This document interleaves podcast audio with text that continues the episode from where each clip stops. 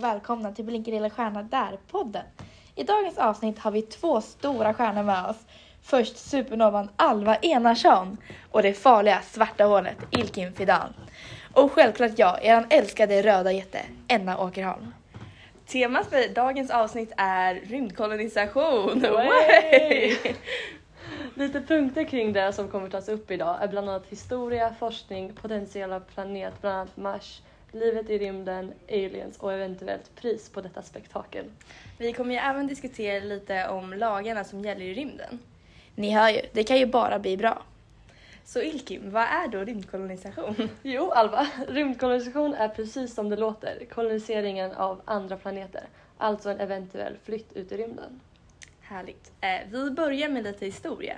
Eh, rymdkolonisering har länge varit ett hett ämne men ännu har det inte skett. Eh, intresset är stort efter liv på andra planeter och idéer kring att vanliga människor en dag ska få se rymden.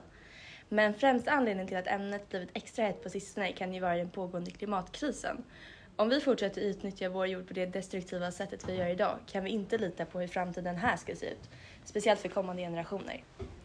Fett synd. Ja, med tanke på hur vi stör vår planet för tillfället och risken för överbefolkning låter ju en flytt ut i rymden väldigt lockande.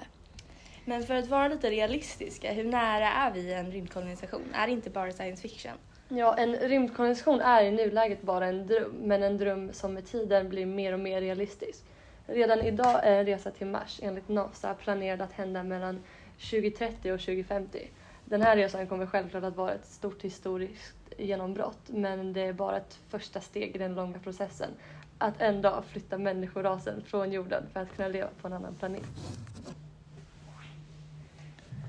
Eh, de mest aktuella planeter har varit Merkurius, Venus och Mars, alltså planeter med fast yta. Även månen har varit intressant. Är det möjligt att hitta en planet som matchar förhållanden som vi lever med på jorden? Det är en bra fråga. Det ultimata vore att hitta en planet som vi människor kan leva på utan att behöva anpassa oss till de extrema förhållandena. Därför letar man efter en superjord, alltså en exoplanet med större yta än jorden som är mindre än våra små gasjättar, som ligger inom den beboeliga zonen i förhållande till stjärnan. Alltså planeter som har en temperatur mellan 100, 0 och 100 grader.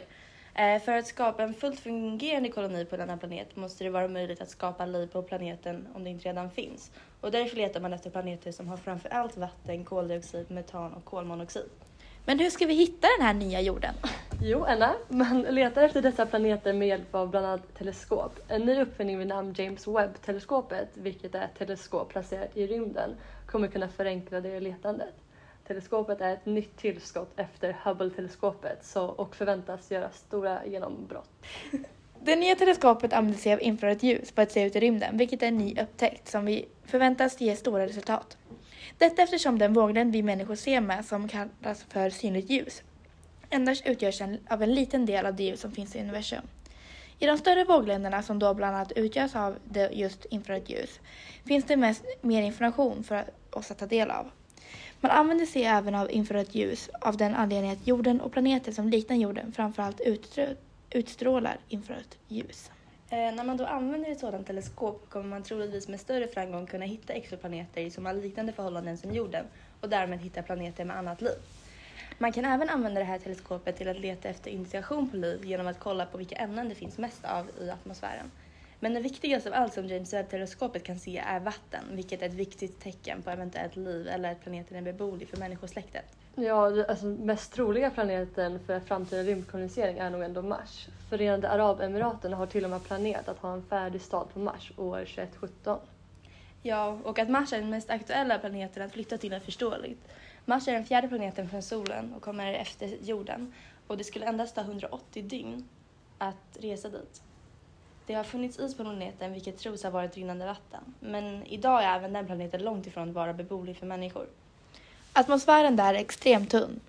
Ex- eh, endast 0,6 procent av jordens atmosfär och den består till största del av koldioxid.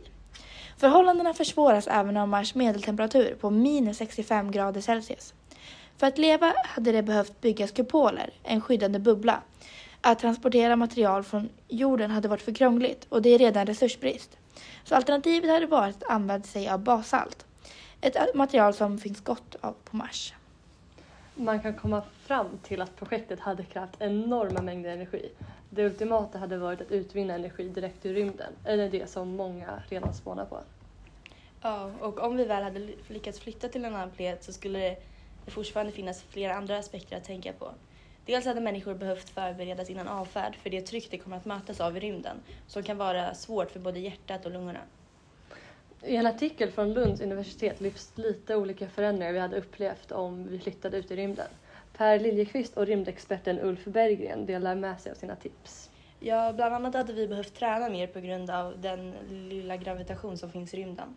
Och duscha hade inte heller varit möjligt utan man hade behövt tvätta sig med blöta trasor. Jo.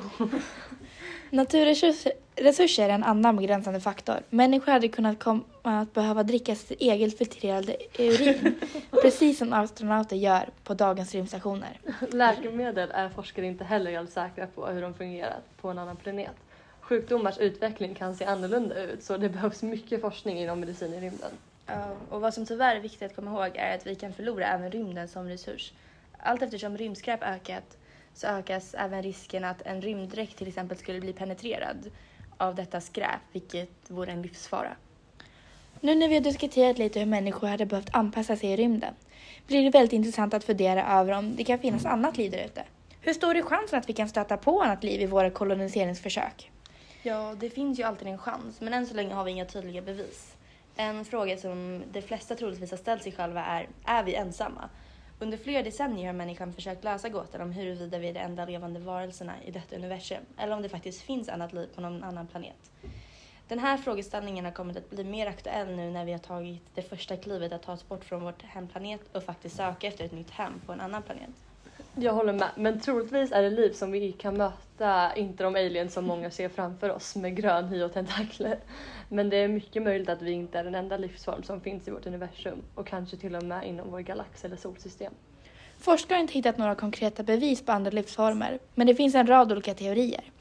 Till exempel spekuleras det om att det finns mikrober i molntäcket runt om Venus.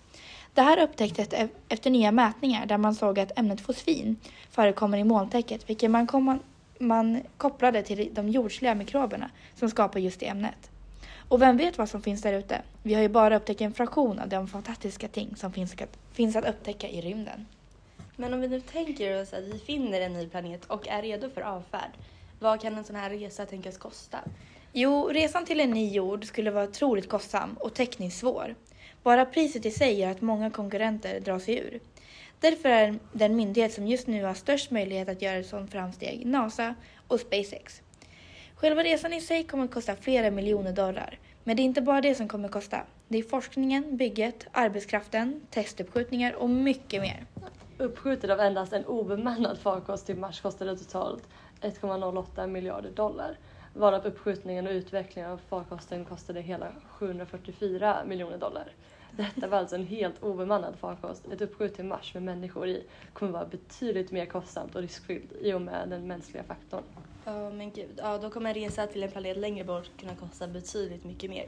Det är inte bara pengar som kan bli en avgörande faktor om koloniseringen faktiskt kan äga rum, utan det är en rad olika faktorer som måste samspela. Ett problem som forskare har flaggat för är att mängden rymdskrot i rymden ökar och därmed försvårar uppskjutningar på grund av risken att krocka in i skrot.